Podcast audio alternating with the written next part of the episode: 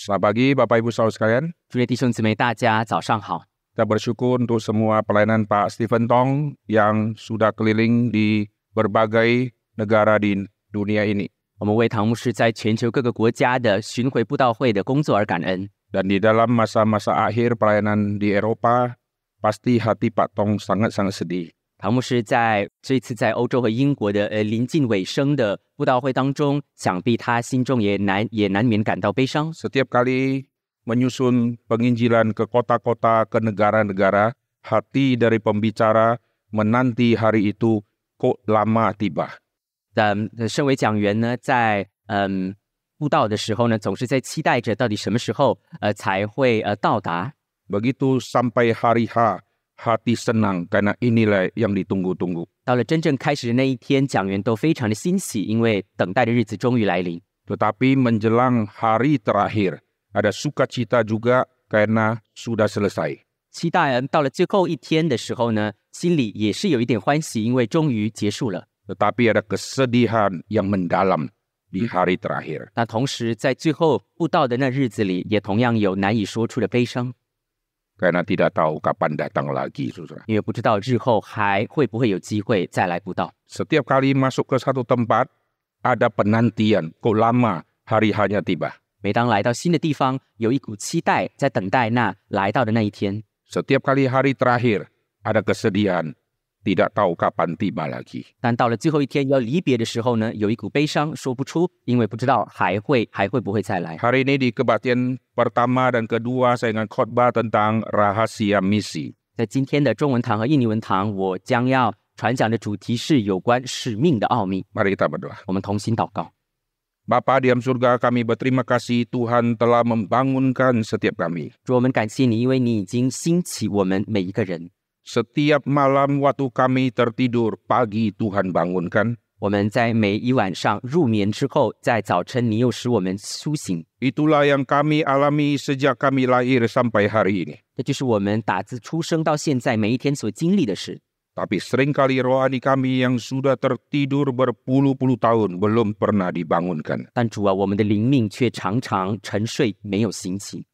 Jikalau kami dibangunkan Tuhan setiap hari, kami mohon kebangunan rohani yang terjadi juga setiap hari. 求主赐福我们，叫我们每一天苏醒的时候，也同样在灵里得以苏醒。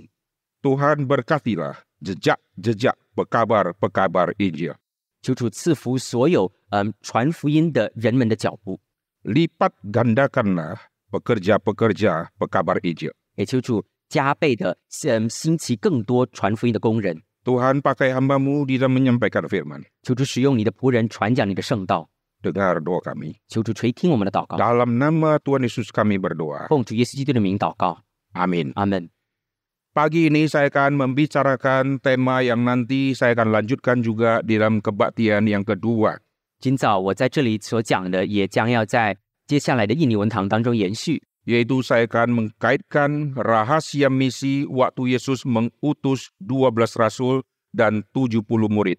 那就是当主耶稣差派十二门徒以及七十个门徒的时候所传讲的使命的奥秘。 Selama Yesus ada di bumi dan melayani, ini dua kali pengutusan yang sangat penting. 主耶稣在地上侍奉的日子当中，这两次差派是非常重要的差派， Pengutusan kepada 12 rasul, pengutusan kepada 70 murid. 那就是差派十二个门徒以及差派七十个门徒。 Setelah itu Yesus berkata kepada rasul, kamu harus tunggu di Yerusalem sampai Roh Kudus turun. 在那之后，耶稣对门徒们说：“你们要在耶路撒冷等待，直到圣灵降临。 Nah, pagi ini kebaktian 1 dan 2 kita akan menyoroti dua pengutusan yang penting ini. ”今早的两堂聚会，我们将一起聚焦于这两次差派。 Mari kita melihat di dalam Matius pasal yang ke-9. 让我们一起翻开马太福音第九章。 Matius pasal yang ke-9 kita akan melihat dari ayat yang ke-35. 马太福音第九章，我们看三十五节。 Ayat ke-35 sampai ayat 38 kita baca sama-sama baik dalam Indonesia maupun Mandarin. 1, 2, 是用英 3. 文和中文一起读。 Demikianlah Yesus berkeliling ke semua kota dan desa. 里 Ia mengajar dalam rumah-rumah ibadat 的福音 dan memberitakan Injil kerajaan sorga serta melenyapkan segala penyakit dan kelemahan. 三十六 Melihat orang banyak itu, tergeraklah hati Yesus oleh belas kasihan kepada mereka karena mereka lelah dan terlantar seperti domba yang tidak bergembala. 三十几节 Maka katanya kepada murid-muridnya, 要 tuayan memang banyak, tetapi pekerja 的 sedikit. 人少， Karena itu mintalah kepada Tuhan yang mempunyai tuayan, supaya ia mengirim pekerja-pekerja 的 untuk tuayan itu. Nah perhatikan di dalam bagian ini kita menemukan rahasia misi tersimpan di dalam ayat yang kita baca ini. 留意这段经文蕴含了我们所要查考的呃使命的奥秘。 Yesus berkeliling, Yesus masuk ke rumah ibadat, Yesus memberitakan kerajaan sorga. 也是走遍各城各乡，在会堂里教训人，宣讲天国的福音， lalu melakukan mujizat. 同时也行各样的神迹。 Perhatikan langkah pertama adalah berkeliling. 我们看耶稣的第一步是走遍各乡， Kalimat ini kalau saya ganti menjadi kata menjelajah. 走遍我也我们也可以换作另外一个词呢，就是呃不断的寻索。 Di dalam seluruh kitab suci dari PL sampai PB, tema menjelajah itu ditujukan kepada pribadi-pribadi tertentu. 在整本圣经从旧约到新约，所谓的走遍、所谓的寻索的主题，只在特定的人身上出现。 Raja-raja menjelajah. 比如说，列王会寻索，会走遍各地。 Mereka mencari teritori-teritori yang baru dengan berperang. 列王借着征战来来扩展自己的疆域。 Lalu Alkitab juga catat mata Tuhan menjelajah seluruh bumi. 圣经也记载耶和华的眼睛如何嗯、呃走遍各地。 Ayat ini sangat indah saudara. 这些经文都非常的美好。 Mata Tuhan menjelajah seluruh bumi. 耶和华的眼睛，他观看全地。 Tuhan melihat apa saudara? 上帝在看什么呢？ Nanti kita akan bahas ini. 我们接下来会看更多。 Lalu Tuhan tanya kepada setan, dari manakah engkau? Dari perjalanan menjelajah seluruh bumi. 耶和华也问过魔鬼，魔鬼从何而来？魔鬼说他已经走遍全地。 Saudara perhatikan, raja-raja menjelajah, mata Tuhan menjelajah, setan menjelajah. 因此，我们看列王走遍全地，耶和华的眼目走遍全地，还有撒旦也走遍全地。 Lalu pasal 8 mencatat satu rahasia yang menarik. 箴言第八章也记载一个非常有意思的奥秘： Aku akan berikan kelaparan dan kehausan kepada manusia. 我将使全地都挨饿， Bukan lapar karena makanan, bukan haus karena air. 不是因为食物而挨饿，不是因为缺水而口渴， Aku akan membuat mereka lapar karena haus mau mendengarkan firman Tuhan. 我要你们因我要他们因为我的话语缺乏我的话语而挨饿， Dan mereka akan mengembara dan menjelajah dari laut ke laut, utara ke timur. 他们也必要从北到东，从嗯、各在各地都走遍全地。 Ayat ini saya sangat senang saudara. 这些经文让我非常欢喜， Tapi kapan terjadi di dalam dunia? 但是这件事什么时候才会发生？ Manusia jelajah laut ke laut hanya demi dengar firman. 人走遍海洋，走遍全地，只为了听上帝的道。 Manusia jelajah dari utara ke timur hanya ingin cari firman. 从北到东，人走来走去，只为了听神的道。 Sekarang spirit menjelajah sudah sangat sedikit di dalam gereja Tuhan. 如今，上帝的教会已经缺极度缺乏这种走遍的精神。 Lalu sampai kepada perjanjian baru, ahli-ahli Taurat dan orang-orang Farisi menjelajah mengelilingi lautan dan daratan. 在新约圣经，我们看到文士们、法利赛人也同样走遍全地，到各个地方， Untuk mendapatkan satu orang yang bertobat masuk ke agama, mereka rela pergi menjelajah. 而为了使一个人悔改，他们也愿意走遍全地。 Lalu di dalam zaman Roh Kudus sudah turun di kisah Rasul, nanti murid-murid alami penganian dan mereka akan menjelajah seluruh negeri. 在圣灵降临之后，呃，门徒们都经历各样的逼迫，然后他们也同样被分散到全地。 Dan Tuhan akan membangkitkan Saulus untuk menjelajah sampai ke ujung bumi. 耶稣接着也就兴起扫罗，他也同样要走遍各个地方传主的道。 Perhatikan tema menjelajah ini. 我们看“走遍”这个主题， Kita lihat sekali lagi di ayat ke-35. 我们再看三十五节， Menjelajah di sini ditulis semua kota dan desa. Ini memakai bahasa asli untuk kota, polis. Untuk desa, kome. 在这里，耶稣走遍各城各乡，城和乡的原文城市 b o l i 乡是 g o m e Perhatikan kita melihat rahasia Yesus mengutus nanti 12 rasul dan 70 murid ini. 然后我们也留意，接着耶稣如何在差派十二位和七十位门徒的时候， Yesus sudah menjadi contoh membawa masuk semua pengikutnya ke kota-kota dan desa-desa. 也是自己已经做好了榜样，如何走遍各城各乡，令人悔改。 Sekarang strategi pengutusan para misi ini.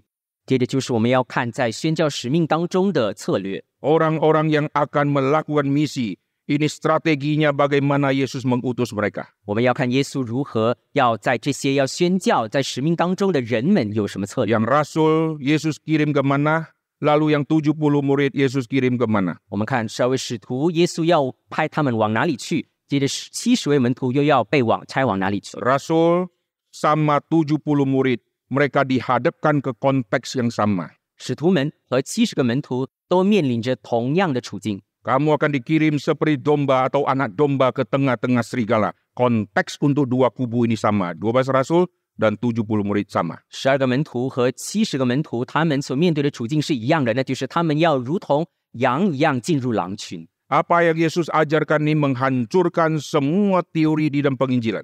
耶稣所教训的，可以说打破传福音工作的所有的框架。 Salah satu teori di dalam penginjilan, biar yang susah-susah dilakukan oleh hamba Tuhan. 传福音的理论框架之一，那就是把难的交给牧师传道人去做， Yang gampang-gampang biar kasih majelis-majelis. 把容易的才交给长老执事们去做。 Kalau mati biar pendeta yang mati dulu. 要是真死了的话，让牧师传道人先死， Jadi orang awam bisa kabur. 这样平信徒有机会逃跑。 Alkitab katakan tidak. 圣经却不是这么搞。 Baik Rasul maupun 70 murid dihadapkan kepada serigala-serigala yang buas. 十二个使徒也好，七十个门徒也好，他们都同样面对狼群。 Apa yang membedakan dua kubu ini? 这两组人有什么区别呢？ Nah, perhatikan waktu mereka diutus, mereka juga diutus berdua-dua sama. 我看这两组人蒙差派的时候，同样是成双成对的。 Mereka dibawa oleh Yesus ke kota-kota, desa-desa, memandang pemandangan yang sama. 耶稣带他们走遍各城各乡，看见同样的光景。 Dan perhatikan, Yesus sekarang akan mengutus yang 12 rasul. 而啊接下来我们要看耶稣如何差派十二个门徒。 Mari kita lihat versi Lukas waktu mencatat bagian ini. 让我们看路加福音如何记载这段经文。 Lukas pasal ke-8 sudah mencatat perjalanan keliling menjadi kebiasaan Tuhan Yesus. 路加福音第八章记载，耶稣走遍全地已经成为耶稣的一个习惯。 Lukas pasal ke-8 ayat yang pertama. 路加福音第八章的第一节。 Tidak lama sesudah itu Yesus berjalan berkeliling dari kota ke kota dan desa ke desa memberitakan Injil Kerajaan Allah. 过了不多日，耶稣周游各城各乡传道，宣讲神国的福音。 Saudara-saudara, ya, ini sudah jadi kebiasaan Tuhan Yesus di dalam kelilingnya. 因此，我们看到耶稣周游走遍各地，已经成为他的习惯。 Kita lihat pasal ke-9. 我们接下来看第九章 Di，pasal ke-8 kita sudah baca Yesus keliling. Sekarang pasal ke-9 Yesus akan mengutus 12 rasul. 第八章告诉我们耶稣周游各城各乡传道。第九章，我们要看耶稣如何差派门徒。 Itulah yang tadi kita baca di Matius 9. 我哦也是我们刚才在马太福音第九章所读的， Lalu nanti Matius pasal ke-10 pengutusan. 马太福音第十章也同样记载耶稣如何差派门徒。 Perhatikan waktu 12 rasul diutus dikasih tahu destinasi mereka kemana. 在这里，我们留意耶稣差派十二个门徒的时候，告耶稣告诉他们目的地。 Matius mencatat secara global. 马太所记载的是更加宏观的画面。 Jangan kau pergi ke Samaria. 你们不要去撒玛利亚， Kau harus melayani domba-domba terhilang di Israel. 你们要在以色列服侍那些走迷了路的羊。 tapi Israel terlalu global. 但是所谓的以色列，这太宏观了， Kota yang mana, desa yang mana, covering yang mana. 这它指的是哪一个城、哪一个乡呢？ Hanya Lukas yang memberikan detail. 只有路加记载了细节。 Perhatikan 12 rasul diutus ke destinasi desa. 我们看十二个门徒，他们被拆的目的地是嗯、乡村。 Lukas 9 ayat yang ke-6. Lalu pergilah mereka dan mereka mengelilingi segala desa. Kata yang dipakai adalah kome. Sambil memberitakan Injil dan menyembuhkan orang sakit di segala tempat. 路加福音九章六节，门徒就出去走遍各乡，宣传福音，到处治病。这里的乡用的原文也是 g o m e Perhatikan dua istilah kota, polis, lalu desa, kome. 我们请不要忘记刚才的两个原文的词“城 ”（polis） 相 “gome”。 Kata kome juga berarti kota, gome 它也有呃城的意思， tapi kota kecil, saudara. 它指的是小小的城镇。 Di Indonesia kita perhatikan ada desa-desa yang kecil. 在印尼呢，有不少的小乡村， Setiap kecamatan ada ibu kotanya. 每个镇都有所谓的镇守。 Dan ibu kotanya itu kalau dilihat dari provinsi, ini kecil. 而这个镇守的这个规模，如果从省来看的话呢，是相当小的。 Tapi ibu kota kecamatan dilihat dari kecamatan, itulah pusat kotanya. 而这个守呃镇守的这个政府呢，如果从当地来看，就是中央政府的概念。 Kome ke tema desa dan kota kecil. Gome 指的是小乡村、小城镇 Polis ke kota yang besar. ，Polis 指的是大城镇。 Lukas mencatat destinasi 12 rasul itu kirim ke segala desa. 路加记载，十二个门徒的目的地就是各乡。 Sekarang kita cari tahu yang 70 murid ditaruh di mana. 现在我们看，呃，七十个门徒的目的地，《 Lihat Lukas pasal yang ke-10. 路加福音》第十章 Ayat yang pertama, kemudian daripada itu Tuhan menunjuk 70 murid yang lain, lalu mereka diutus, mereka dikirim berdua-dua, mendahuluinya ke setiap kota dan tempat yang hendak dikunjunginya, ke polis. 路加福音十章一节，这是以后主又设立七十个人，差遣他们两个两个的在他前面，往自己所要到的各城各地方去。这里的城 （polis）， Ini yang menjadi pergumulan pemikiran saya sudah sangat lama. 这两节圣经已经成为我个人长久以来的挣扎。 Mengapa rasul-rasul yang potensi sangat besar kau taruhnya ke desa?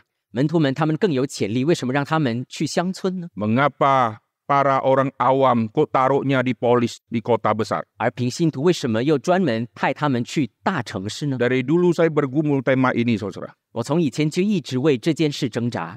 Kalau kita lihat di Indonesia, desa butuh Injil, kota butuh Injil. 我们看，在印尼的话，大城市也好，小乡村也好，都需要福音， Seluruh dunia butuh Injil. 全世界都需要福音。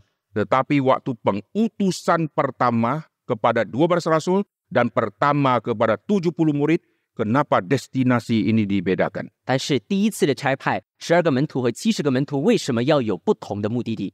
Saya percaya di dalam pemikiran dan tafsiran saya untuk melihat destinasi ini, saya percaya ada bijaksana dari Tuhan. 我个人相信，在我个人解经的过程中，有上帝的智慧与我同在，使我可以明白， Di zaman waktu itu, jikalau Yesus muncul, semua mata tertuju ke Yesus, lalu mata akan tertuju ke pendamping Yesus. 在那个时代呢，呃，耶稣所拜访的每一个地方的人们，双眼都会聚焦于耶稣，同时和耶稣，嗯、同行的人们， Maka para pendamping kecipratan tenarnya, saudara. 也就是说，与耶稣同行的人同样沾了耶稣的光。 Saudara kalau lihat ada orang penting diwawancara masuk TV, 当我们看有名的人受采访的时候， nanti ada orang di samping sengaja dekat-dekat, saudara. 上电视的时候呢，总是旁边会有一些人刻意的凑近。 Yang Ya, lebih lucu lagi ada orang muncul di belakang begini, saudara. 更好笑的是，有些人会专门的站在这些名人的后面做一些怪动作。 Kapan lagi gua masuk TV? 他们觉得我还有什么时候还会上电视呢？ Kalau hamba Tuhan besar pergi pelayanan, mata orang tertuju kepada dia dan pendamping. 大牧师外出布道服饰的时候呢，人们都会聚焦在他以及和他同行的人身上。 Kadang-kadang pendamping over GR, saudara ya. 有时候同行的人也会自以为是， Turun dari pesawat, disambut tarian adat. Wah, pendamping jalannya lain. 在在下飞机的时候，或许当地的人用一些舞蹈来欢迎，但是发现同行的人反而更加自以为是。 Padahal yang disambut hamba Tuhannya. 但其实欢迎的并不是他，而是那大牧师。 Pendampingnya kecipratan terkenal, saudara. 同行的人却嗯、因此沾了光。 Kita kembali lihat, rasul-rasul ini posisi yang sangat tinggi pada waktu itu. 我们接着看，这些门徒们的身份在当时是非常突出的。 Orang yang sudah mempunyai posisi yang tinggi, gengsinya besar. 那些已经拥有相当高的呃威威望的人，他们开始自以为是。 Kalau kami hamba Tuhan besar, kami dikasih kota yang besar. 我们是上帝伟大的仆人，所以我们应当去大城市。 Tapi heran, Yesus mengutus 12 rasul yang di dalam hati mereka Yesus tahu motivasi-motivasi kelak ada yang mau cari posisi terutama, ada yang mau cari posisi kanan dan kiri. Yesus tahu semua ini. 但是让人惊奇的是，耶稣专门派十二个门徒去小乡村。耶稣也知道他们的心理、他们的动机。日后有人想要争论谁更大， Waktu mau mencari posisi terutama, Yesus berkata, "Kau mau jadi terutama, kau jadi hamba dari semua." 他们要争论谁有更高的地位的时候，耶稣却要他们学习如何从最底层服侍， Hamba dari semua. 要做众人的仆人。 Saya percaya salah satu didikan untuk mengerti hamba dari semua, Rasul dikirim ke desa. 我相信耶稣要门徒们所学习的这个要做众人的仆人的第一个功课，那就是要他们去乡村。 Rasul hamba Tuhan besar kalau datang ke desa, tarian adat langsung muncul. 大牧师到小乡村的时候呢，总是会有这些地方的舞蹈欢迎他， Pesta langsung digelar, 也会有一些专门的呃呃舞会来欢迎他们， junyuk langsung muncul saudara ya. 甚至开始摆上最高等的 Wah, 桌后。 pesta makan yang enak karena hamba Tuhan besar datang ke desa kami. 这些小乡村会摆上宴席来欢迎大牧师来到他们当中。 Sekarang rasul-rasul dikirim ke desa untuk melayani mereka. 使徒们专门到小乡村服侍那里的人。 Oh saya hamba Tuhan besar, orang desa layani saya. 我是一个大牧师，但是不是我的却是村民。 Di sini saya percaya Yesus melatih kerendahan hati dari semua rasul-rasul ini. 我相信在这里，耶稣专门要训练这些门徒们的谦卑。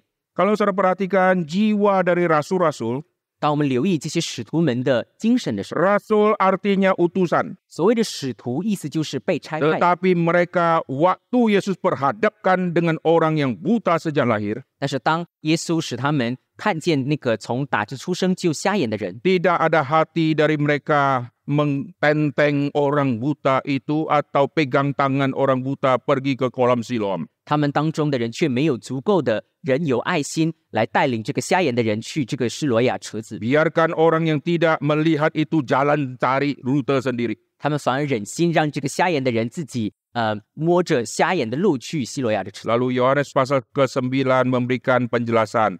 Siloam artinya yang diutus. 而嗯，约翰福音第九章专门解释西罗亚的意思就是蒙差派。 Saya percaya ini sindiran besar. 我相信这节经文是在讽刺使徒们， Orang buta diutus pergi ke kolam Siloam. 呃，瞎眼的被打发要去西罗亚的池子。 Siloam artinya yang diutus. 西罗亚的意思本身就是蒙差派， Rasul artinya yang diutus, tapi semua diam. 使徒这个字也是蒙差派，但是使徒们都呃一无所终。 Yesus membawa semua mereka keliling kota dan desa, tapi tidak pernah muncul di dalam hati mereka keluar tema berbelas kasihan. 耶稣带着使徒们走遍各城各乡，可是他们的心里却从来没有怜悯人的心怀。 Saudara baca semua kalimat dari para rasul tidak pernah keluar. Kami sekarang berbelas kasihan.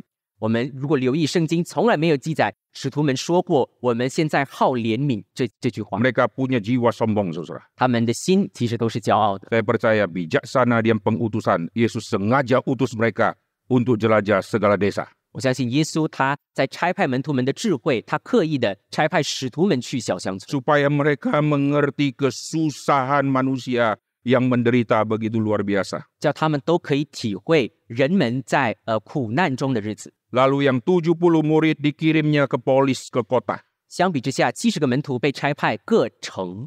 Saya percaya karena banyak orang awam mempunyai keminderan yang luar biasa. 我相信也是因为许多的平信徒都感到自卑， Sampai hari ini kalau kita berkumpul dengan orang awam di dalam mission trip, 在到如今，当我们和呃平信徒们在开会的时候， hampir semua berkata, Pak, saya dikasih yang masa kecil-kecil saja. 许多的平信徒都会说，要我去布道的话，请派我去那些小呃人们少呃人数少一点的地方， Kasih saya yang gunung-gunung saja, Pak. 就派我去那些偏远的山上的地方 Tidak, 吧。 kamu di kota. 不，专门要派你到大城。 Oh, jangan, jangan. 啊不，千万不要啊，牧师， Itu bagian boksu. 这些是留给大牧师的。 Kelemahan orang awam tidak mempunyai keberanian. 平信徒常常的最突出的软弱就是缺乏勇气， Kelemahan hamba Tuhan over berani. 而啊牧师传道人的缺点就是过于勇敢。 Kalau kota, ini punya saya. 大城市就应该我来讲， Masa 2000 punya saya. 两千人的听众我来讲。 Kau tahu kalau 2000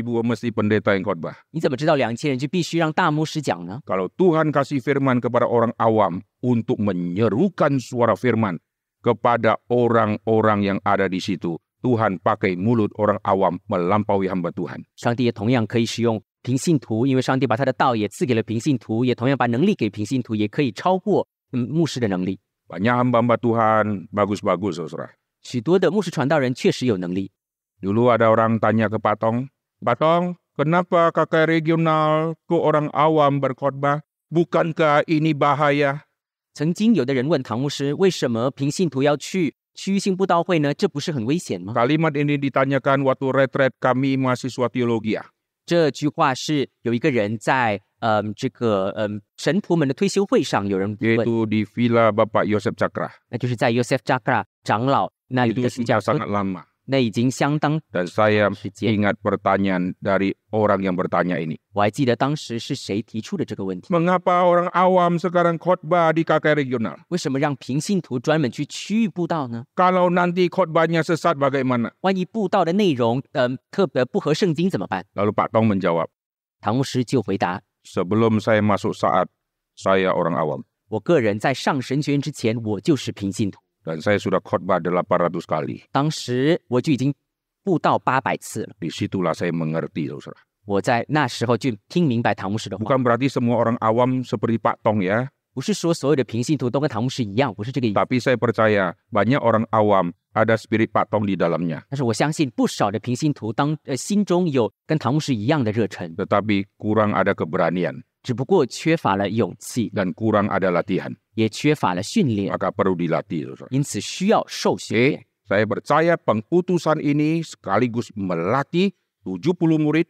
Kau harus berani karena Tuhan menyertai dan kasih firman. 因此，我相信主耶稣差派门徒们、使徒们的时候，也同样，耶稣把话更给了他们，同时也训练他们。 Kalau saudara memperhatikan semua yang Tuhan izinkan terjadi di 12 rasul dan 70 murid, 如果我们留意耶稣所许可发生在十二个门使徒和七十个门徒身上的事情的话， ini pendidikannya sama saudara. 我们发现耶稣训练的方式是一样的， Jangan bawa bekal.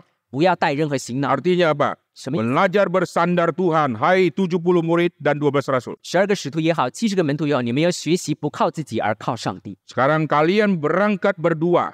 现在你们要成对的去， Berarti kesuksesan misi bukan karena kau yang berhasil, tapi ada grup.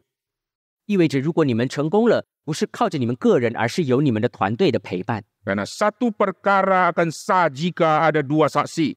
因为一件事情需要有两个见证人。 Nanti terjadi apa? Satu melaporkan, tapi tidak ada satu saksi yang lain. Perkara tidak sah.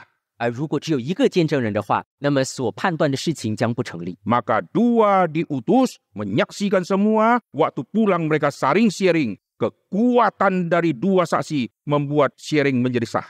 因此，他们成对的两个两个的去的目的，也是为了让他们可以共同做见证，使得事件变得成合理。 Nanti kamu masuk ke rumah orang, kasih tahu shalom. 你们到了一个人的家里，要说平安。 Pada 70 murid sama, kepada 12 sama. Semua ajaran sama, saudara. 其实，个门徒十二个使徒，他们都同样的命令： Kalau nanti shalommu diterima bagaimana, kalau tidak diterima bagaimana, sama untuk dua kubu ini. 人们接待你们的平安如何，不接待的话又如何？对这两组人都一样， Lalu kapan kau kebaskan debu sama? 以及你们什么时候要跺上跺走你们脚上的， Kirim seperti domba ke tengah serigala sama. 以及他们都同样的如同羊进入狼群被拆派一样。 Lalu dibandingkan dengan kasus Sodom dan Gomora sama. 同时，耶稣也对比了索多玛、俄摩拉这个事件也是一样的， Tetapi bedanya di destinasi. 区别只在于他们的目的地不一样。 Yang rasul, lu kira lu rasul dapat kota, lu ke desa. 使徒们以为他们会去大城市，结果不是，他们去小乡村。 Yang orang awam, kau tidak punya keberanian, kau di kota. 平信徒缺乏勇气，却专门到大城市布道。 Di sini kita lihat Yesus melatih 70 murid supaya punya keberanian dan tidak minder. 耶稣就在这里，他专门的训练他的门徒们要有勇气，也要呃也不要自卑， Melatih rasul-rasul jadi hamba yang melayani orang-orang susah. 同时也训练使徒们专门要去服侍那些受苦的人们。 Oke, sekarang kita lanjut melihat Matius tadi. 接下来我们继续看马太福音， Yesus berkeliling menjelajah kota-kota desa-desa. 耶稣走遍各城各乡， Yesus mengambil destinasi ini 耶稣都去这两个目的地， dan Yesus membawa mereka harap nanti mereka punya hati seperti Yesus. 耶稣带上门徒们期望他们都可以跟耶稣有同样的心智， tapi mereka tidak punya hati itu. 但是他们都没有领受这样的心。 Perhatikan Yesus memberitakan Injil Kerajaan Sorga. 耶稣他宣讲天国的福音， Dari dulu saya perhatikan kata memberitakan Injil Kerajaan Sorga, Injil Kerajaan Allah. 我从前一直注意这些所谓的天国的福音，呃，这几个字， Yang saya temukan ironis yang terjadi. 我却发现一个很明显的呃讽刺。 Jikalau saya memberitakan Injil Kerajaan Sorga, ini untuk universal semua manusia harus dengar.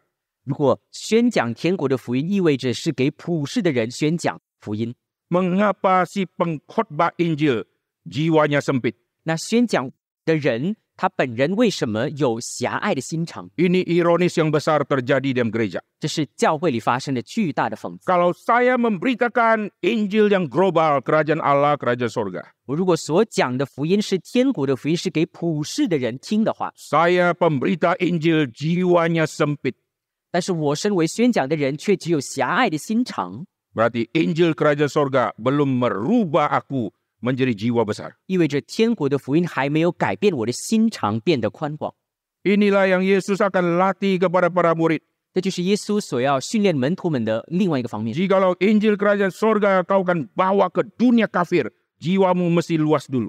天国的福音，如果你要传到外邦人当中的话，你自己的心也要先变得宽广。 Tetapi Yesus menunggu sampai nanti waktunya tiba. 但是耶稣却等到时候到了的时候， Maka seolah-olah Yesus setuju dengan pikiran mereka. Oke, kau jiwa sempit? Oke.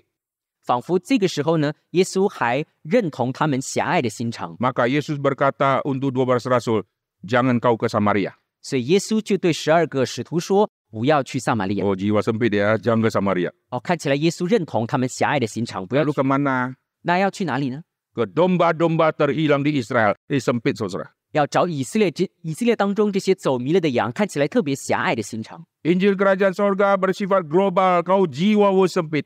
天国的福音是普世的，可是门徒的心肠是狭隘的。 Oke, kalau pikiranmu, jiwamu sempit. Oke, kalau kau anggap itu benar. 啊，如果你的心肠是狭隘的，你认为这才是对的话， Sekarang Yesus koreksi pikiran ini. 耶稣现在就纠正他们的心思。 Pikiranmu sempit? 你是有狭隘的心肠是吗？ Oke, sekarang kita berpikir sempit. 好，现在我们就狭隘的思考吧。 Cari domba terhilang di Israel. 你们就找以色列当地的走迷了的羊， Mereka akan ketawa, saudara. 他们就会发笑。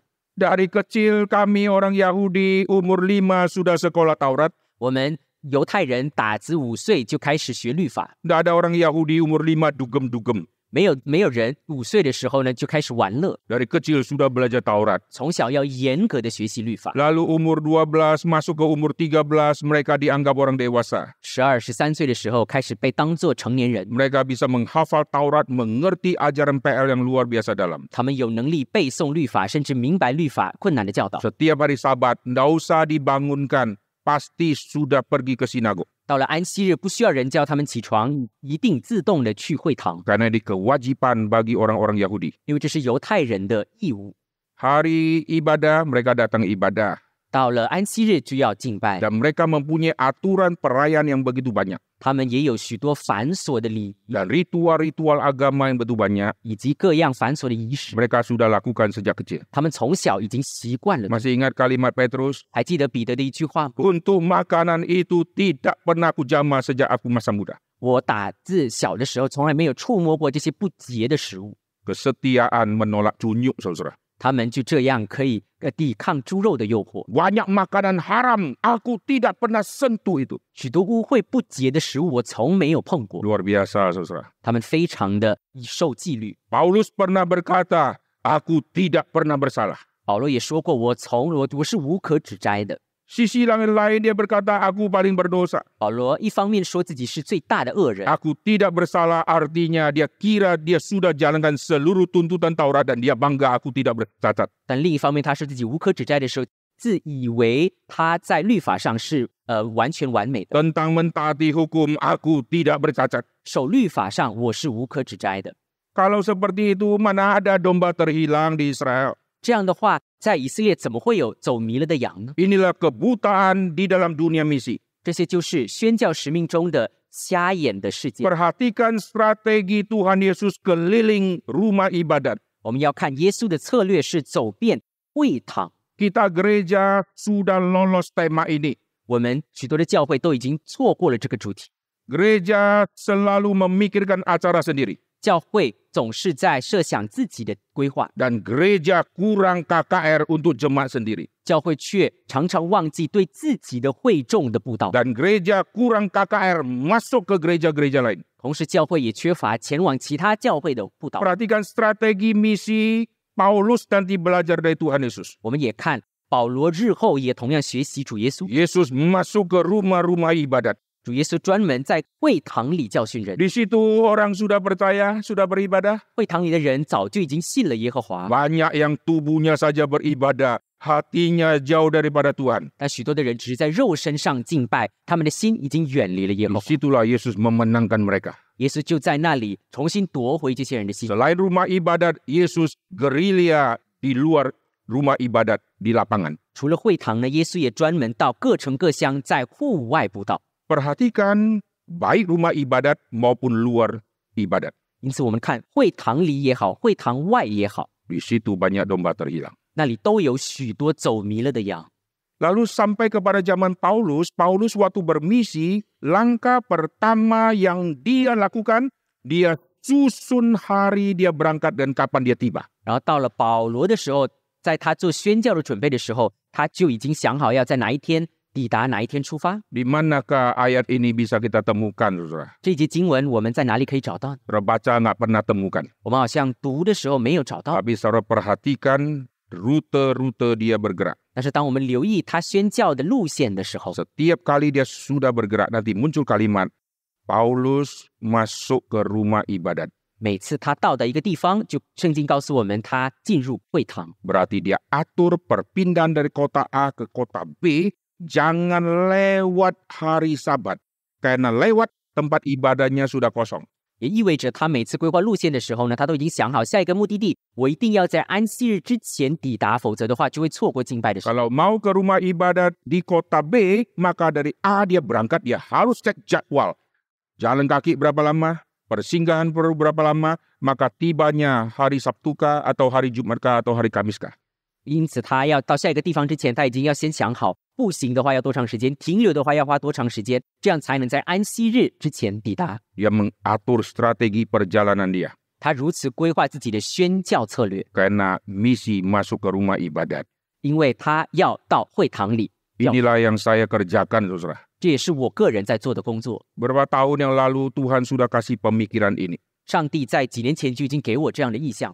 Jikalau siswa kita datangin di sekolah, tepat disitulah mereka berkumpul. 如果我们去学校的时候，刚好是学生们集合的时候， Tidak bisa kita temukan siswa dalam jumlah yang begitu banyak kecuali di sekolah. 我们就会在这个时候，特别是在学校里，可以一在同一时间找到人数居多的场合。 Tapi setelah siswa kita sudah layani berpuluh-puluh tahun dan sudah menangkan apa yang kurang.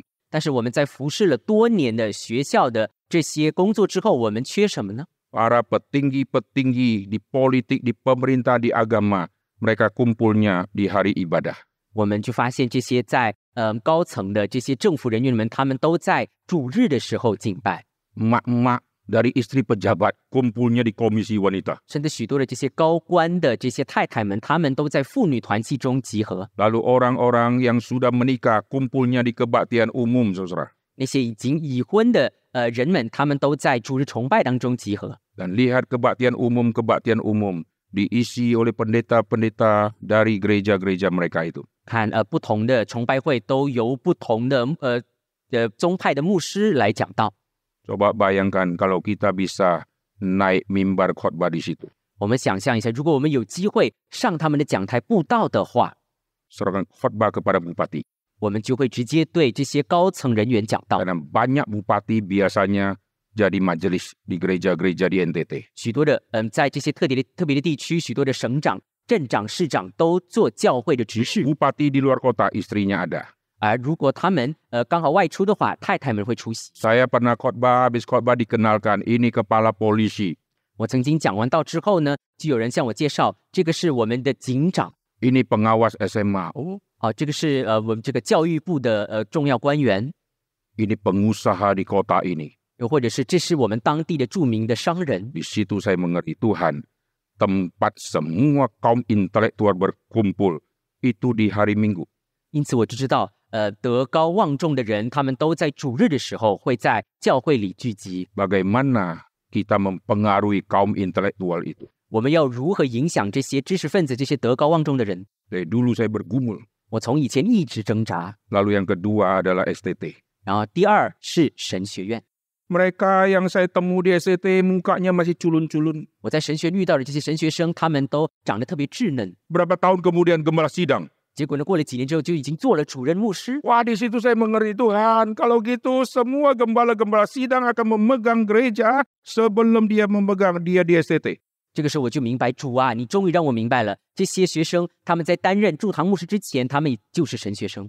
Siapa yang bisa mempengaruhi banyak calon hamba Tuhan kecuali kita masuk ke STT? Tidak mungkin, saudara. 我们如果不进入神学院的话，我们要怎么有机会可以在同一时间直接影响这未来的基督教的领袖们呢？ Kalau di zaman Tuhan Yesus tidak ada STT STT, 在主耶稣的时代，没有所谓的神学学 maka 院 masuk ke rumah ibadat, 所以他就就进会堂， pindah kota, cari tempat ibadat. 换了另外一个城市就去另外一个会 Dan 堂。 Di situ Yesus berkhotbah, 耶稣就在那里教训， lalu mencelikkan pikiran orang-orang di rumah ibadat. 他接着传道，就打开了会堂里的人的眼睛。 Di zaman ini selain sekolah ada gereja dan STT.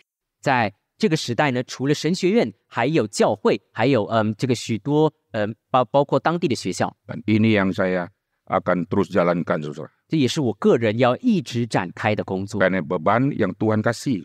因为这是神给我的负担。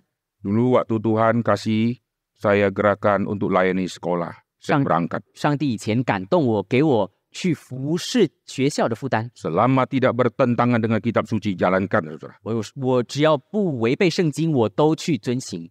Puji Tuhan, kami pulang dari Provinsi Bengkulu. 感谢主，当我们从温姑鲁省回来的时候， Saya bawa kira-kira sama saya ada 30 orang untuk membuktikan apa yang saya lihat itu. 我就带上大概三十人的团队一同来见证我的负担。 Saya masuk ke sinode-sinode besar. 我就去一些比较当地比较大的总会， Saya kirim utusan-utusan nginap di gereja-gereja yang lain-lain 我也差派不少的童工去不同的教会过夜。 dan mereka sangat menerima khususnya sinode-sinode yang besar yang sudah sangat sangat tua itu. 当地许多的这些历史悠久的总会非常欢迎我们， Mereka kaget, hamba Tuhan reform kok mau khotbah di sini. 他们很吃惊，为什么大城市的归正福音的牧师们愿意来到这里讲道？ Jikalau ada sekelompok hamba Tuhan yang menjadi satu grup, kita gempur seluruh gereja-gereja Tuhan, sinode-sinode besar. Kalau mereka buka pintu, kita khotbah di gereja mereka. Kita memenangkan begitu banyak kaum intelektual yang ada di situ. 如果我们当中可以有一群上帝的仆人，我们专门到不同的地方的不同的教会、不同的场合，向这些知识分子还有德高望重的人讲道，我们就可以一次性夺回许多的灵魂。 Perhatikan strategi-strategi yang Yesus ajarkan ini. 我们要留意耶稣教导的这些策略。 Lalu kita lanjut Matius pasal yang ke-9 ini. 接着我们继续看马太福音第九章 Melihat orang banyak. Semua pengikut juga melihat orang banyak. 三十六节，他看见许多的人，这些同行的人也看到这么多的人， Yesus hatinya tergerak. 耶稣就怜悯他们。 Perhatikan waktu hati Tuhan tergerak. 我们留意耶稣怜悯人的这些时刻， Dan saat Tuhan mau bertindak. 以及耶稣要开始工作的那一刻， Alkitab memberikan satu rahasia saat Tuhan mau bertindak. 耶稣就告诉我们耶稣要工作的那一刻的奥秘。 Tuhan tidak pernah bertindak sendiri diam-diam langsung kerjakan. 耶稣从来没有自己暗暗的、偷偷的做某件事。 Mari kita lihat kitab Amos 让我们看阿摩斯书， Di dalam kitab Amos pasal yang ketiga ini rahasia Tuhan bertindak. 阿摩斯书第三章告诉我们，嗯，上帝动工的奥秘。 Amos pasal 3 ayat ketujuh saya baca. 阿摩斯书三章第七节，我为大家 Sungguh Tuhan Allah tidak berbuat sesuatu tanpa menyatakan keputusannya kepada hamba-hambanya, koma para nabi. 主耶和华若不将奥秘指示他的仆人众先知，就一无所行。 Tuhan waktu mau melakukan sesuatu, Tuhan sharing. 主要动工的时候，他会先分享他的计划。 Tuhan tidak berbuat sesuatu tanpa menyatakan keputusannya kepada hamba-hambanya, koma para nabi. 主耶和华若不将奥秘指示他的仆人或者号众先知，就 Nanti 一无所 kita akan melihat contoh di MPL lalu masuk ke PB. 我们待会会看旧约的例子以及新约。 Waktu Yesus melihat semua orang-orang yang terlantar itu, Yesus akan melakukan satu tindakan. 当耶稣看见这些困苦流离的人，耶稣就要做一个决定， Dan Yesus sharing, 而耶稣先分享 tuain banyak, 说 pekerja sedikit. 要收的庄稼多，做工的人少。 Waktu Tuhan sharing isi hati Tuhan, Tuhan sharing kepada hamba-hambanya. 当耶稣要分享他的心意的时候，他专门向他的门徒们分享心意。 Perhatikan di dalam kitab kejadian ada tokoh yang sangat penting yang Tuhan sharing. 创世纪当中记载一个人是耶和华所分享的对象。 Di dalam zaman Henok, Henok bergaul dengan Allah. Nah ini masuk hambanya. 以诺的时代呢，告诉我们以诺是与神同行的人，他是他的仆人。 Tuhan tidak sharing kepada semua manusia yang bukan hambanya itu. 耶和华没有向所有的人，他的不是他的仆人的人分享他的心。 Henok orang yang bergaul dengan Allah. 以诺是与神同行的人， Tuhan sharing sesuatu kepada dia. 耶和华专门向他分享心意， Itulah yang dicatat di dalam kitab Yudas. 同时也是犹大书所记载的。 Setelah mendapatkan sharing dari Tuhan, sekarang dia berkata-kata Tuhan akan bertindak. 他领受了神所分享的心意之后，他就代呃代表神说话。 Tuhan akan datang dengan beribu-ribu orang kudusnya untuk menghakimi bumi dan orang fasik-fasik ini. 神要与他的众仆人们一起呃审判这个世界和外邦人。 Tuhan share ke Henok. 这个意象分享给以诺 Dan 听。 Henok keturunan ketujuh dari Adam. 以诺是亚当的第七个后代， Keturunan ketujuh dari Adam melalui Set itu Henok. 也就是从赛特往下的第七代就是以诺。 Keturunan ketujuh dari Adam melalui Kain itulah Lamek bapak poligami. 而嗯、他借呃亚当借着呃另外一个人，他的后代第七代就是拉麦，他反而是多婚主义的先祖。 Suatu kitab Yudas menjelaskan Henok keturunan ketujuh saya percaya Tuhan ingin kita mengetahui background kejahatan di zaman Henok ini. 我相信当圣经记载呃以诺是第七代的人的时候呢，圣经要告诉我们要查清楚当时的呃一个盛行的罪恶的状况。 Kejahatan seperti apa di zaman Henok? 那以诺的时代盛行什么样的罪恶呢？ Zaman Henok itulah zaman Lamek. 就是拉麦时代的罪恶。 Lamek yang keturunan Kain. 拉麦是该隐的第七代后裔， Dialah bapak poligami. 他就是多夫多妻的先祖。 Perhatikan dosa dari Lamek ini. 我们留意拉麦的罪。 Waktu Adam dan Hawa jatuh dalam dosa, mereka mau jadi Tuhan.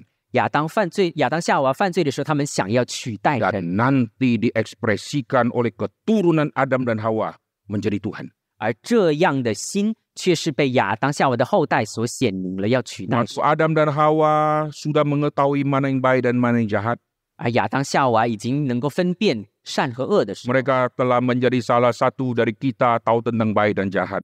他们就这样，因为吃了那个分别善恶树的果子， Itu artinya Tuhan biarkan kau mau jadi Tuhan, tidak perlu tanya Tuhan mana baik mana jahat, silakan. 意味着他们想要取代神，不需要靠神来分辨什么是善，什么是恶。 Itu semacam sifat orang tidak mau dikontrol. 耶和华就任凭这些不想要被支配的人的心。 Lalu lihat Kain bunuh Habel. 我就 Kain jadi Allah. 接着该隐杀亚伯，他想要取代神。 Di dalam seluruh kitab Tuhan memberi hidup, Tuhan yang ambil hidup. 整本圣经告诉我们，生命由耶和华而来，也是由耶和华夺去。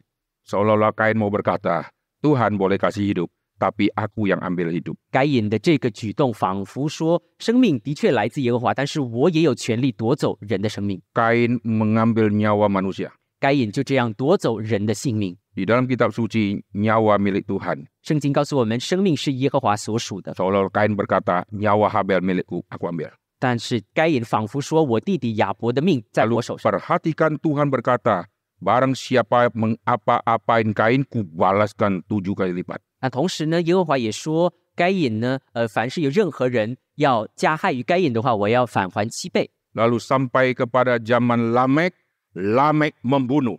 到了拉麦的时代呢，拉麦也杀人， Dia bukan membunuh orang yang seumur dengan dia. 他不是杀害和他同龄的人， Dia membunuh seorang anak muda. 他他杀害的是年轻人， Anak muda sudah tidak hormat kepada orang tua. 年轻人已经嗯、抵挡父母， Dia melukai aku, 他已经加害于我， tidak hormat kepada orang tua lagi. 他不再尊重父母， Dan orang tua tidak bimbing lagi anak muda. 父母也不再管教儿女。 Kain berkata, apakah aku penjaga adikku? 该隐说：“我难道是看守我弟弟的吗？” Seolah-olah Lamek mau berkata, apakah aku penjaga anak muda? 仿佛呃，仿佛拉妹在说：“我难道是看守儿儿女们的吗 Anak muda sama bapak poligami, levelnya jauh saudara. 年年轻人和他们的父辈，他们的多妻多夫的程度不一样。 Lamek ambil nyawa. 拉麦就这样杀了人， Artinya, Tuhan kasih nyawa, gua ambil. 意味着呃，是命在耶和华手中，可是我却 Masa muda yang penuh dengan harapan, ku habisi. 充满盼望、期盼的年轻时代就这样被我夺去了。 Kalau Kain sudah bunuh, masih diam-diam dia. 该隐他杀了人，却偷偷摸摸的告诉人， Tuhan bicara kepada dia.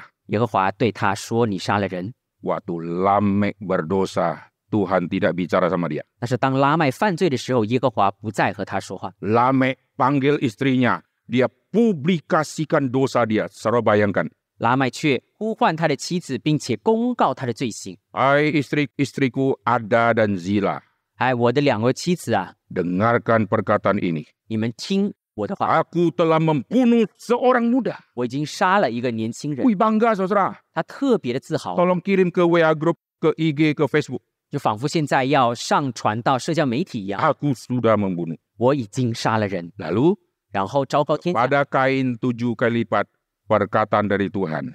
然后呢，耶和华说过，呃，要必遭报七倍。 Lamek berkata, kalau kain tujuh kali lipat kepada Lamek 77 kali lipat. 然后，呃，拉麦就说，若杀该隐遭报七倍，杀拉麦必遭报七十七倍。 Terus kalau asuransi kecelakaan diganti 7 kali lipat sama asuransi kecelakaan diganti 77 kali lipat. Pilih yang mana?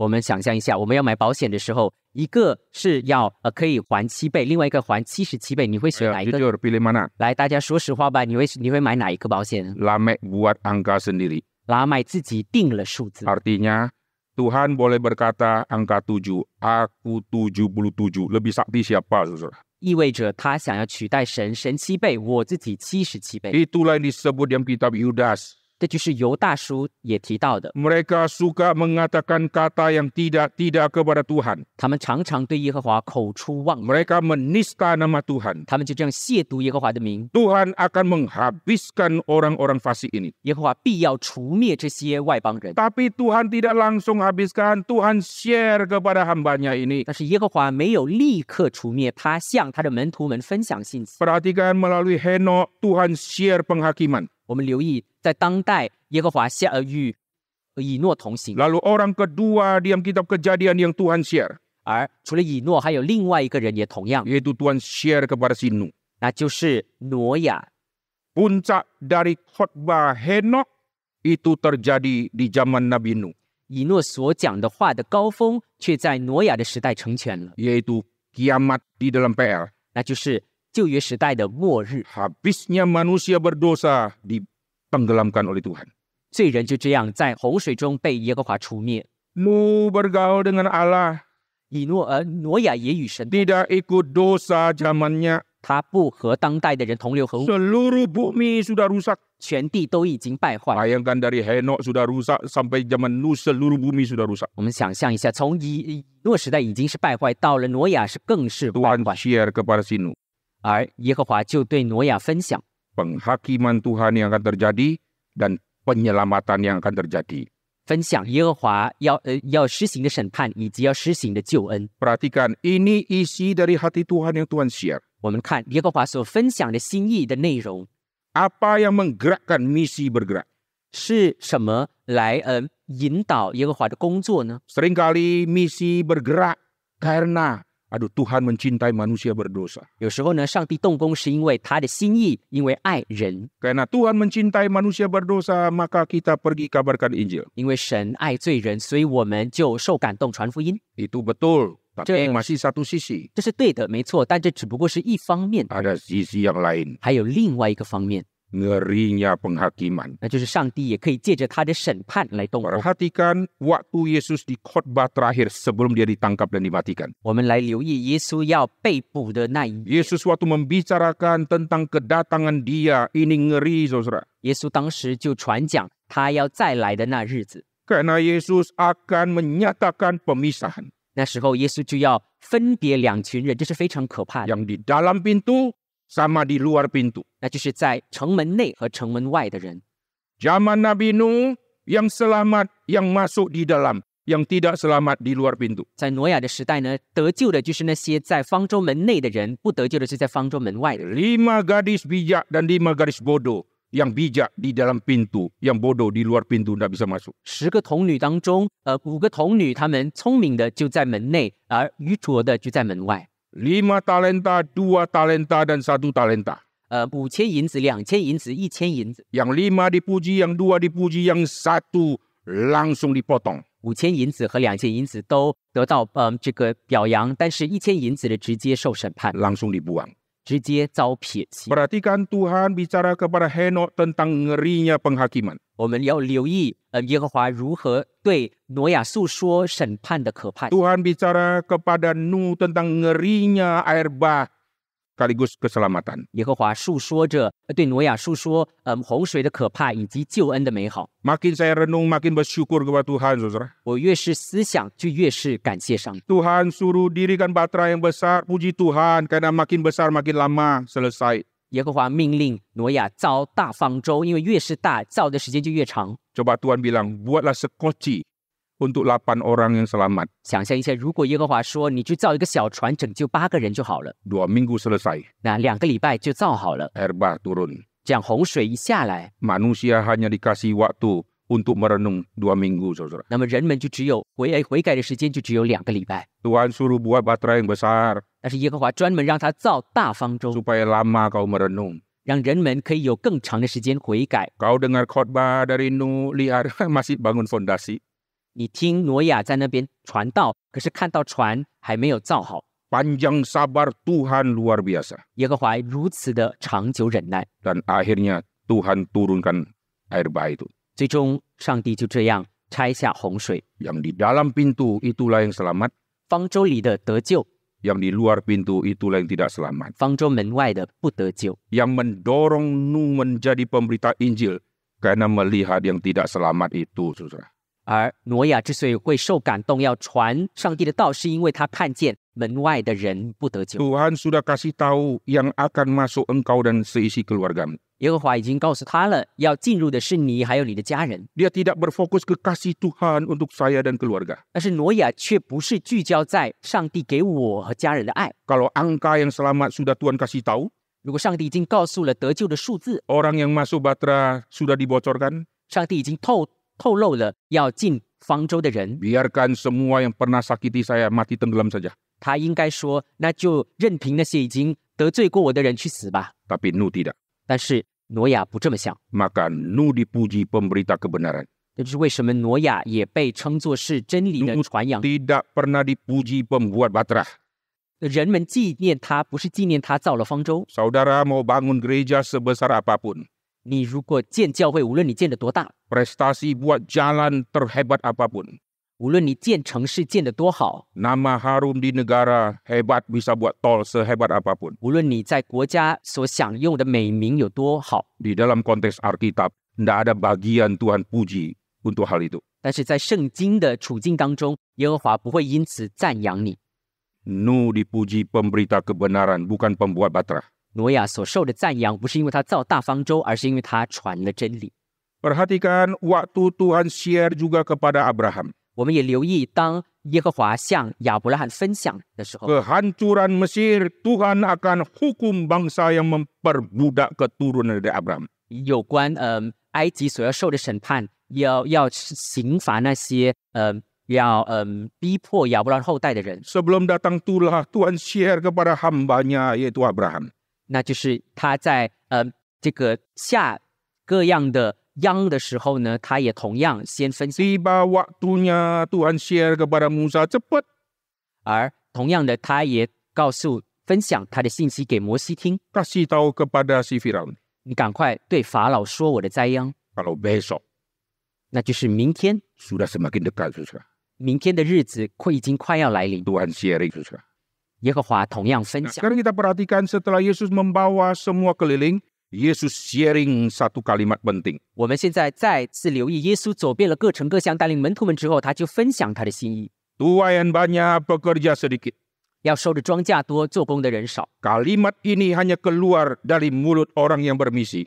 这句话是从一个有意向、有使命的人心中所发出的。 Di dalam seluruh kitab suci dari PL sampai zaman Yesus, tidak ada orang katakan kalimat itu. 整本圣经从旧约到新约，除了耶稣以外，没有人说过这句话。 Saya dari dulu senang meneliti kalimat orang-orang yang bermisi, 我从以前就很喜欢查考这些有使命的人所说的话， khususnya kalimat Yesus dan kalimat Paulus, 特别是耶稣和保罗这两个人所说的 karena 话， mereka keluarkan kalimat orisinil-orisinil yang tidak dikeluarkan oleh kalimat dari rasul manapun, 因为他们说过的话是许多使徒们都没有说过的原话， karena mereka melihat real di lapangan. 因为他们看到这个真正现场的需要。 Tuayan memang banyak, sekarang pekerja sedikit. 禾场上要收的庄稼多，做工的人少， Lalu semua murid cuma dengar tok. 而门徒们却只是听却不做。 Mereka lelah seperti domba tidak bergembala.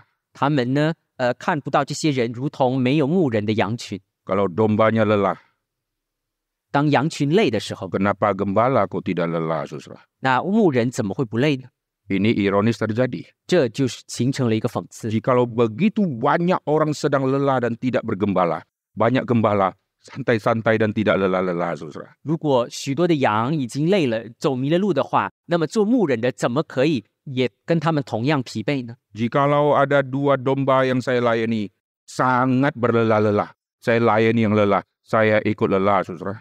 如果我要专门牧养这些疲惫的羊的话，我当然也会体会他们的疲惫。 Bayangkan, di seluruh tempat saya lihat, banyak yang lelah. Maka saya melayani mereka, pasti lelah luar biasa, saudara. 因此，同样我们可以明白，当我们看到满地都是走迷了的羊，都是疲惫的羊，牧人也肯定容易感到疲惫。 Itulah kelelahan Yesus yang orang tidak paham. 这就是耶稣的疲惫是人无法体会的。 Dengan dia berkata mereka lelah seperti domba yang tidak ada gembala. 耶稣说他， Yesus gembala yang sejati harus mengurusi semua yang lelah-lelah ini. 当耶稣说他们这些羊都是走迷了路，都是已经疲惫的，他自己身为大牧人，他要处理这些迷了路的羊。 Itulah sebabnya Yesus berkata, "Kamu yang letih lesu datanglah kepadaku." 因此，耶稣说：“你们这些呃，这个呃疲惫劳劳苦的人来到我这里，我就使你们 Aku 得 akan 安息， berikan kelegaan kepadamu. 我就使你们得安息。 Yesus share kepada mereka, ”耶稣如此向他们分享， tapi mereka tidak ada satupun yang tergerak. 但是他们却嗯不为所动。 Waktu diutus berdua-dua, 当他们被打发两个两个成双成对的去， Lukas mencatat 70 murid waktu pulang, mereka bangga mujizat terjadi. 路加福音记载，七十个门徒回来的时候呢，他们特别高兴可以行神迹， Mereka gagal melihat apa yang Yesus lihat. 他们却失败了，是因为他们看不到耶稣所看到的。 Kalau saya jadi Yesus, 如果我做耶稣的话， setelah 12 rasul diutus, 70 murid diutus, waktu mereka pulang, saya menunggu satu kalimat dari mereka. 我如果派了十二个门徒，还有七十个门徒，他们回来的时候呢，我一定会等待他们说一句话。 Begitu lihat dari kejauhan, wah mereka jalan kaki menuju ke saya. Saya tunggu kalimat ini harus keluar dari mulut mereka. 我从远方看到他们一路一路的走过来，我就一直期待他们口中要说一句话， Kalimat apa? 是什么话呢？ Yaitu, Yesus 那就是耶稣啊， kami melihat apa yang engkau lihat. 我们已经看见你所看见， Tuayan begitu banyak, 要收的庄稼多， pekerja sedikit. 做工的人少， Kita lipat gandakan pekerja untuk kita berangkat lagi. 要加倍的让工人加倍的多，让我们更多的人去。 Tapi tidak. 但是他们没有这么做， Mereka cerita, oh bagaimana setan-setan dan seterusnya. saudara, ya. 他们回来所汇报的是他们可以赶鬼行神迹， Yesus harus telan ludah, saudara ya. 而耶稣只能在那里忍受。 Bukan ini yang ku mau sebetulnya. 这不是我要你们学习的 Aku 功 mau 课， kau melihat, 我要你们看我所看， tapi tidak melihat. 但你们却看不见。 Nanti kebaktian KU kedua saya akan lanjutkan khotbah ini dan saya akan kaitkan dengan 70 murid. Mari kita berdoa. 接着印尼文堂，我要继续讲，特别讲七十个门徒，我们同心祷告。 Bapa di dalam surga, kami berterima kasih 主啊，我在天上的父，我们感谢你， Tuhan mempercayakan berita Injil kepada kami. 你将福音托付于我们， Tuhan membangkitkan pekabar-pekabar Injil dari kemalasan. 你也从呃软弱惰性当中兴起更多的工人， Tuhan dengan panjang sabar menanti manusia jahat bertobat. 你也长久忍耐的期盼着然呃罪人悔改， Dan Tuhan dengan panjang sabar menunggu pekerja-pekerja tergerak hatinya. 你也长久忍耐的等待着做工的人受感动。 Tuhan ampunilah setiap kami. 主啊，求你赦免我们每个人， Pakailah setiap kami ya Tuhan. 也求主使用我们每个人， Bukalah mata kami 求主打开我们的双眼， untuk kami mengerti rahasia misi. 使我们可以明白你呃你使命的奥秘。 Jadikan kami anak-anak Tuhan 求主使我们做一个 yang melayani Tuhan, 服侍主的门徒， yang bertumbuh di dalam pelayanan. 是在侍奉当中成长的门徒。 Terima kasih Tuhan untuk pagi hari ini. 主，我们为今早而感恩， Tuhan juga berkati kebaktian kedua. 也求主赐福接下来的印尼文堂， Dengar doa kami 求主垂听， dalam nama Tuhan Yesus. 奉主耶稣基督的名， Kami berdoa. 同 Amin. 心祷告，阿门。